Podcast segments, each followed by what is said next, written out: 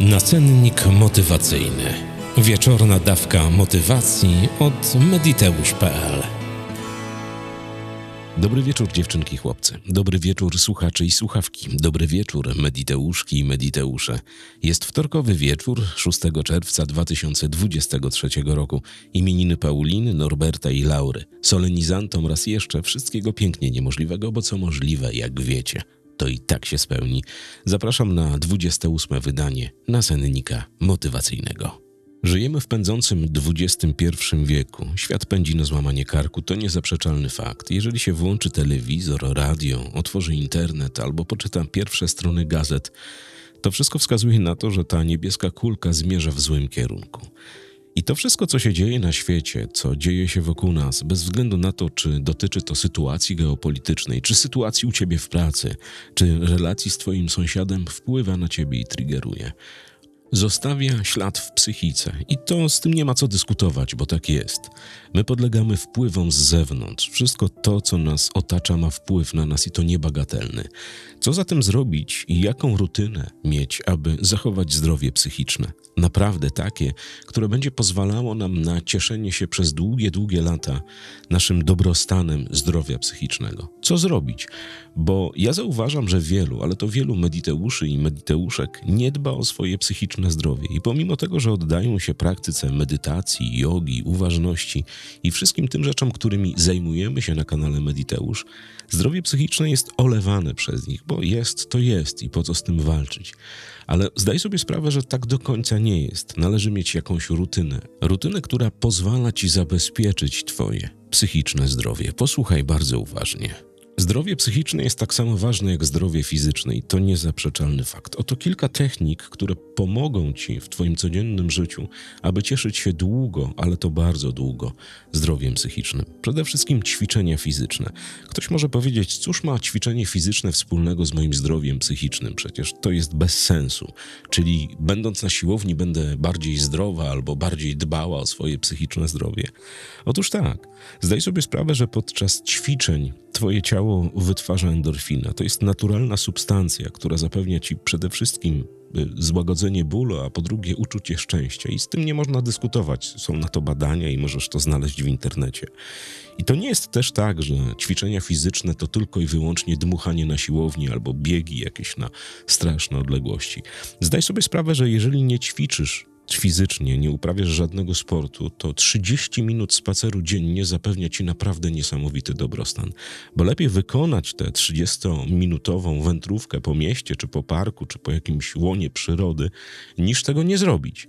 Nasze organizmy są przyzwyczajone do pewnych rzeczy, które, do których my ich zmuszamy. Jeżeli zmuszamy nasz organizm do siedzenia przed komputerem na fotelu, na przybiórku przez wiele, wiele godzin, to ono to bierze za pewnik po jakimś czasie, ale to nie oznacza, że nie wpływa to na ciebie, na twój dobrostan fizycznego zdrowia i przede wszystkim zdrowia psychicznego.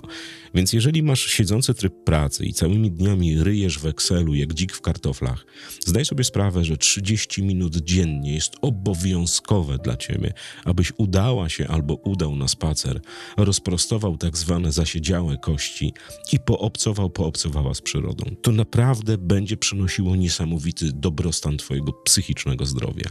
I przede wszystkim endorfiny, bo jak siedzisz 8, 10, 12 godzin przed kąpem, a potem wyrwiesz się jak dzik z klatki, żeby pójść na miasto, czy gdziekolwiek indziej na jakieś łono przyrody, okazuje się, że twój organizm jest ci tak wdzięczny, że produkuje niesamowite endorfiny.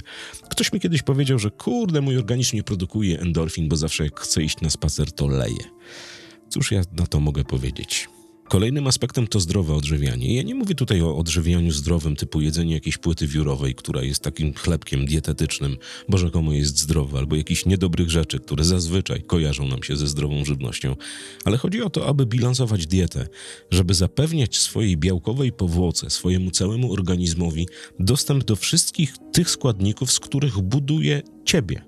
Twój umysł, Twoje mięśnie, Twoje kości, wszystko to, co się dzieje w Piotrku, Marku, Pawle, Asi, Wojtku i wszystkich innych tych, którzy słuchają tego podcastu.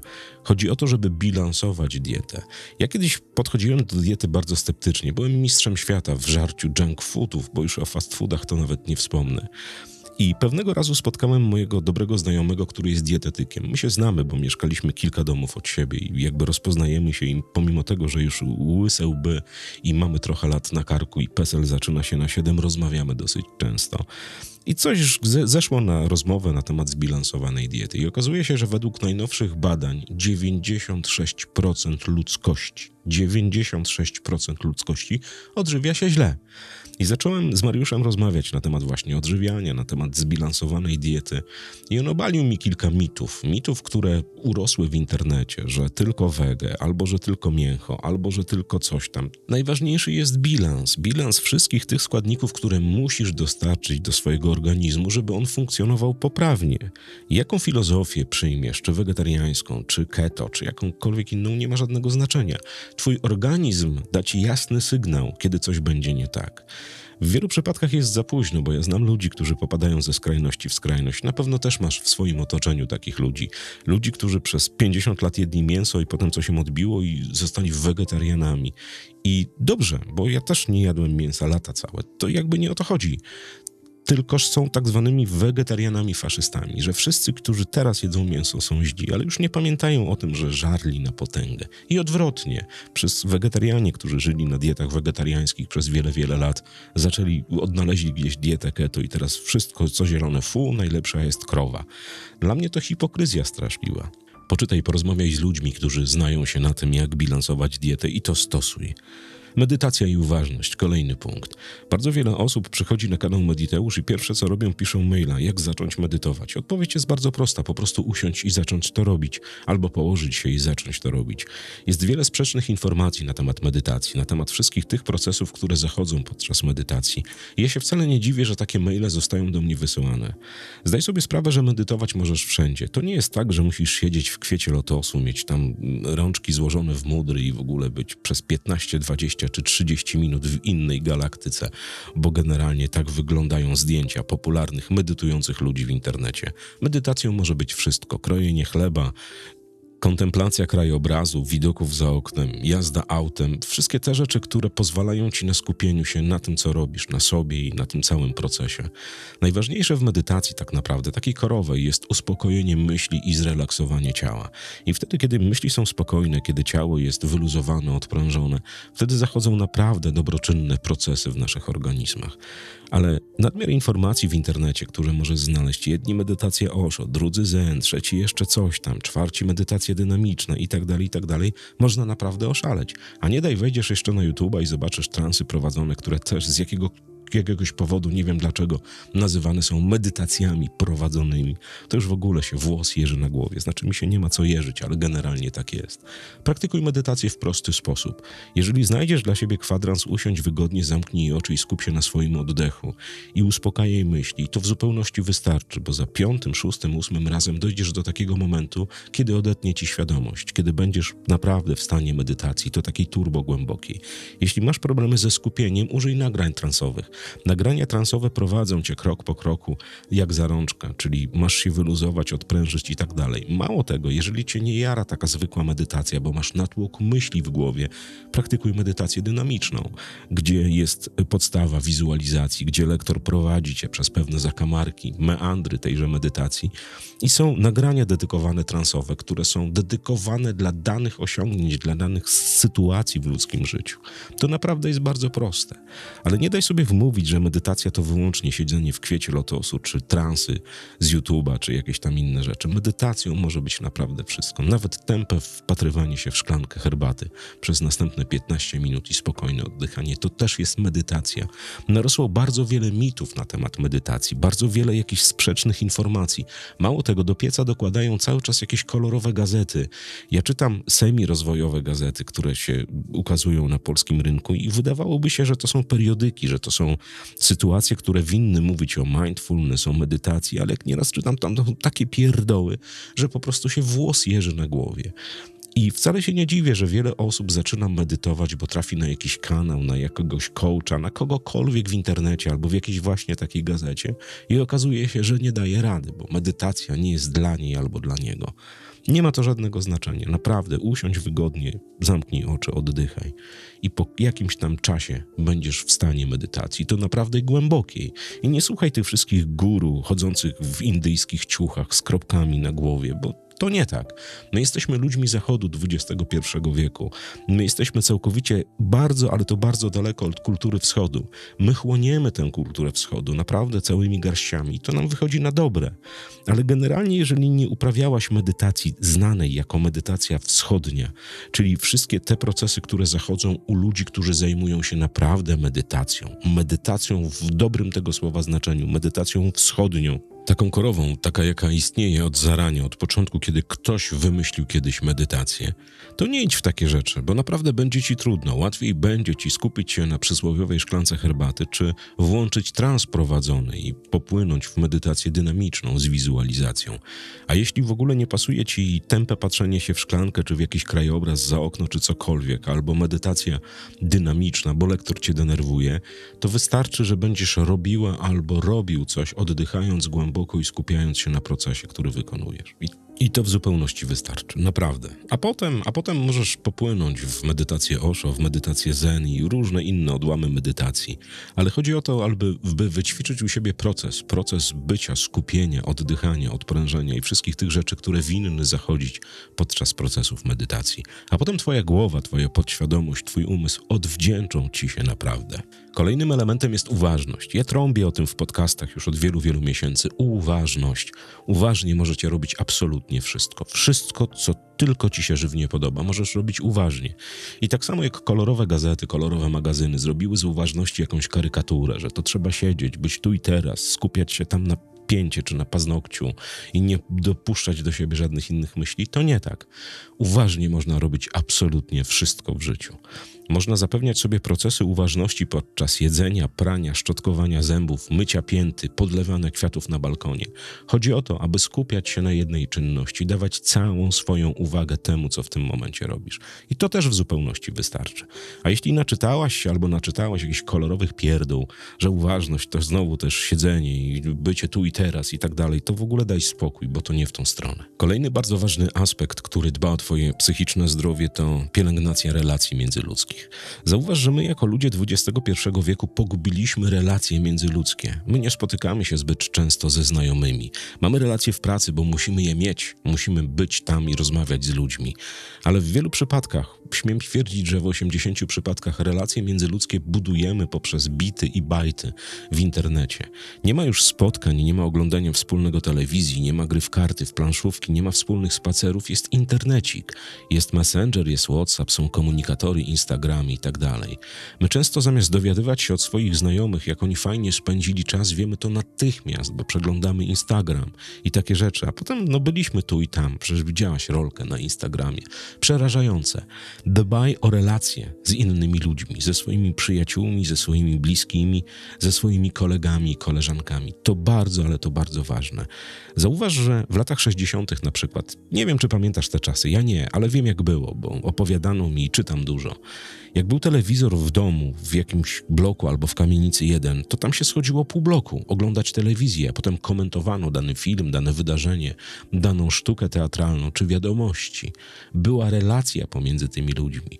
A teraz odnoszę wrażenie, że Żyjemy w świecie zombie, że ludzie są wpatrzeni w smartfony i jedyne co robią to przewijają kolejne TikToki, Instagramy i tak dalej.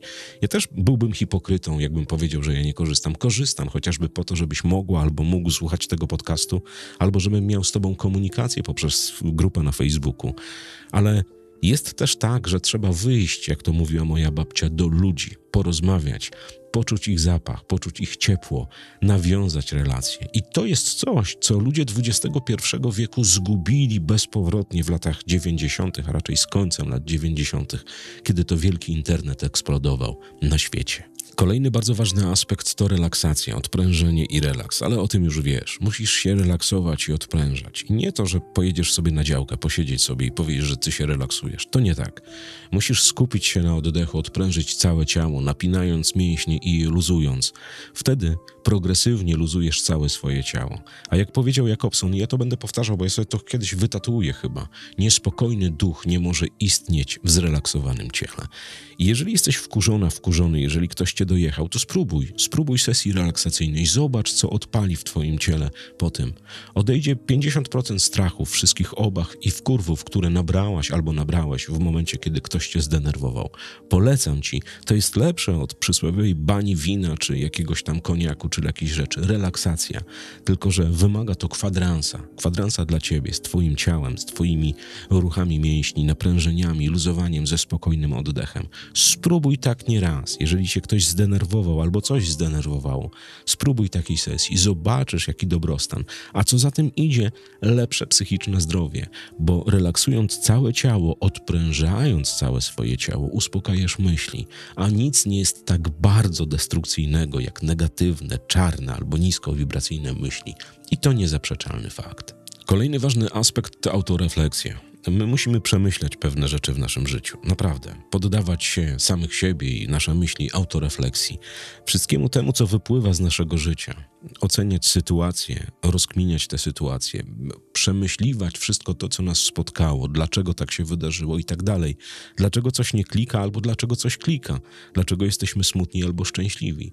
Autorefleksja to taki system, który ci odpowiada na pytania, dlaczego dzieje się w Twoim życiu tak, a nie inaczej. I to niezaprzeczalny fakt. Fajną metodą jest właśnie spisywanie wszystkich swoich autorefleksji w jakimś zeszycie i czytanie ich na głos. Naprawdę to pomaga. Możesz się śmiać teraz, że jakiś łysy mówi ci w podcaście, że masz pisać, notować. Rób to. Rób to. Stosuj sytuację from brain to paper, czyli pisanie całego potoku myśli, które masz. Oceniaj wszystko to, co napisałeś. Przemyślaj życie. Przemyślaj wszystkie te aspekty, które się wydarzyły. Zastanawiaj się, co się wydarzyło i zadawaj sobie pytania, dlaczego wydarzyło się tak, a nie inaczej inaczej. I naprawdę po pewnym czasie przychodzą odpowiedzi. One odpalają w najbardziej nieoczekiwanych momentach. Ja mam tak często, bo ja rozkminiam pewne rzeczy. I nieraz myślę o czymś i zastanawiam się, dlaczego zrobiłem to tak albo tak, dlaczego mi nie wyszło albo wyszło. I mija tydzień, dwa dni, trzy dni, jestem gdzieś tam i za pstryknięciem dwóch palców wiem, dlaczego, jak zmienić, jak zrobić. Autorefleksja potężne narzędzie, praktykuj. I wreszcie ulubiony przez Was dziennik wdzięczności. To niesamowite narzędzie. Macie potwierdzenia na grupie Mediteusze. Wejdźcie, zobaczcie jak działa. Tam jest naprawdę od metra opinii na temat pisania wdzięczności jak odpala. Rozmawiałem ostatnio z Krzysiem i Małgosią Natyńskim na te, Natyńskimi na temat dziennika wdzięczności. To bardzo potężne narzędzie. Bądź wdzięczna, wdzięczny za wszystko to, co cię spotyka, za wszystko to, co chcesz osiągnąć w życiu, ale rób to w czasie teraźniejszym, dokonanym albo przeszłym, tak żeby twoja podświadomość nauczyła się tego, że to, co chcesz, do czego zmierzasz, dokąd zmierzasz, w Twoim życiu już odpaliło. To naprawdę jedno z najpotężniejszych narzędzi. Ja wiem, że wygląda trywialnie, że jak to pisanie w dzienniczku, notesiku, jakiś pierdół, że jestem wdzięczna za to, za tamto. Spróbuj. Daj sobie 30 dni odpal, a potem do mnie napisz. I przedostatni aspekt, najważniejszy w zdrowiu psychicznym, przynajmniej dla mnie, unikanie izolacji. My jako ludzie się izolujemy od innych ludzi. Było o tym troszeczkę w podczas mówienia o relacjach międzyludzkich, ale też izolujemy się dlatego, że nam się wydaje, że jak będziemy sami, jak będziemy na przykład mieli dom 50 metrów od najbliższego sąsiada, to będziemy mieli intymność i prywatność. Niestety tak to nie działa. Jak wiesz, ludzie są zwierzętami stadnymi. To niezaprzeczalny fakt. To nie ma tak, że my jesteśmy samotnikami. Ktoś może mówić, że on jest pustelnikiem, samotnikiem, nie lubi ludzi i tak dalej. To jest takie przekonanie, które gdzieś tam powstało w czyjejś głowie. Oczywiście można być samotnikiem, można nie lubić ludzi z jakiegoś powodu, bo cię ludzie wkurzają, ale nigdy, ale to nigdy nie izoluj się w stu procentach, bo naprawdę znam ludzi, którzy to zrobili, bo im się wydawało, że oni są samotnikami, samy, samotnymi białymi żaglami, kupowali działki odgrodzone murem po 500 metrów, żeby debile im nie zaglądali i tak dalej. A potem się okazało, że sam ze sobą, sama ze sobą można wytrzymać rok, dwa, półtora, trzy, a potem zaczynają się naprawdę grube, ale to grube schody. A o tym, że musisz dbać o swoje zdrowie, już nawet nie będę mówił, bo to będzie śmieszne w tym podcaście. Każdy, kto ma dwa zwoje mózgowe więcej niż kura, wie, że trzeba przeprowadzać badania, że trzeba dbać o swoją białkową powłokę, bo ona daje ci sensorykę z tym światem, daje ci połączenie z twojej jaźni z tym wszystkim, co się odczynia dookoła ciebie. Wprowadź te wszystkie elementy, o których ci powiedziałem, do swojego życia. Ja wiem, że nie wszystkie, bo możesz wybuchnąć. Nie da się jednego dnia zrobić wszystkiego. No, znaczy są twardziele, którzy to robią. Ja przynajmniej się staram.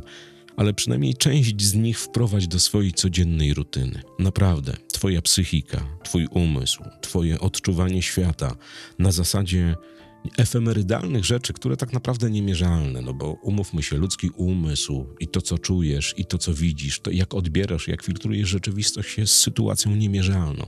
Ale naprawdę, twoja głowa, twój mózg odwdzięczą ci się za to, za to wszystko, co dla nich robisz. Kawowiczom z bajkofi.to slash mediteusz dziękuję bardzo serdecznie. Wiecie za co? Jesteście niesamowici. Dziękuję, dziękuję, dziękuję i raz jeszcze dziękuję. Dziękuję za jakiś niesamowity ogrom maili na temat wakacji zmian. Jestem zaskoczony, naprawdę pozytywnie i cieszę się, od ucha do ucha się śmieję. Naprawdę wielu mediteuszy i wiele mediteuszek przystąpiło do wakacyjnego programu Wakacje Zmian. To niesamowite, zobaczycie jakie będziemy rzeczy wykręcać. Padły pytania, czy jak ktoś pracuje o dziewiątej, to może słuchać o dziesiątej? Oczywiście, że tak. Wszystkie nagrania są do pobrania. Pobierasz i nawet możesz w grudniu tego słuchać. Nie ma to ża- żadnego znaczenia. To jest program motywacyjno-rozwojowy. Program, który ma udowodnić ci, że to nie jest tak, jak myślisz, że zmiana może następować bardzo szybko, że wystarczy mieć kilka patentów, skilli na to, żeby odmienić swoje całe życie, bo tak naprawdę wszystko zaczyna się w głowie, a z tą głową to my sobie poradzimy. Do usłyszenia zatem jutro o 6 rano. Cześć. Nacennik motywacyjny. Wieczorna dawka motywacji od mediteusz.pl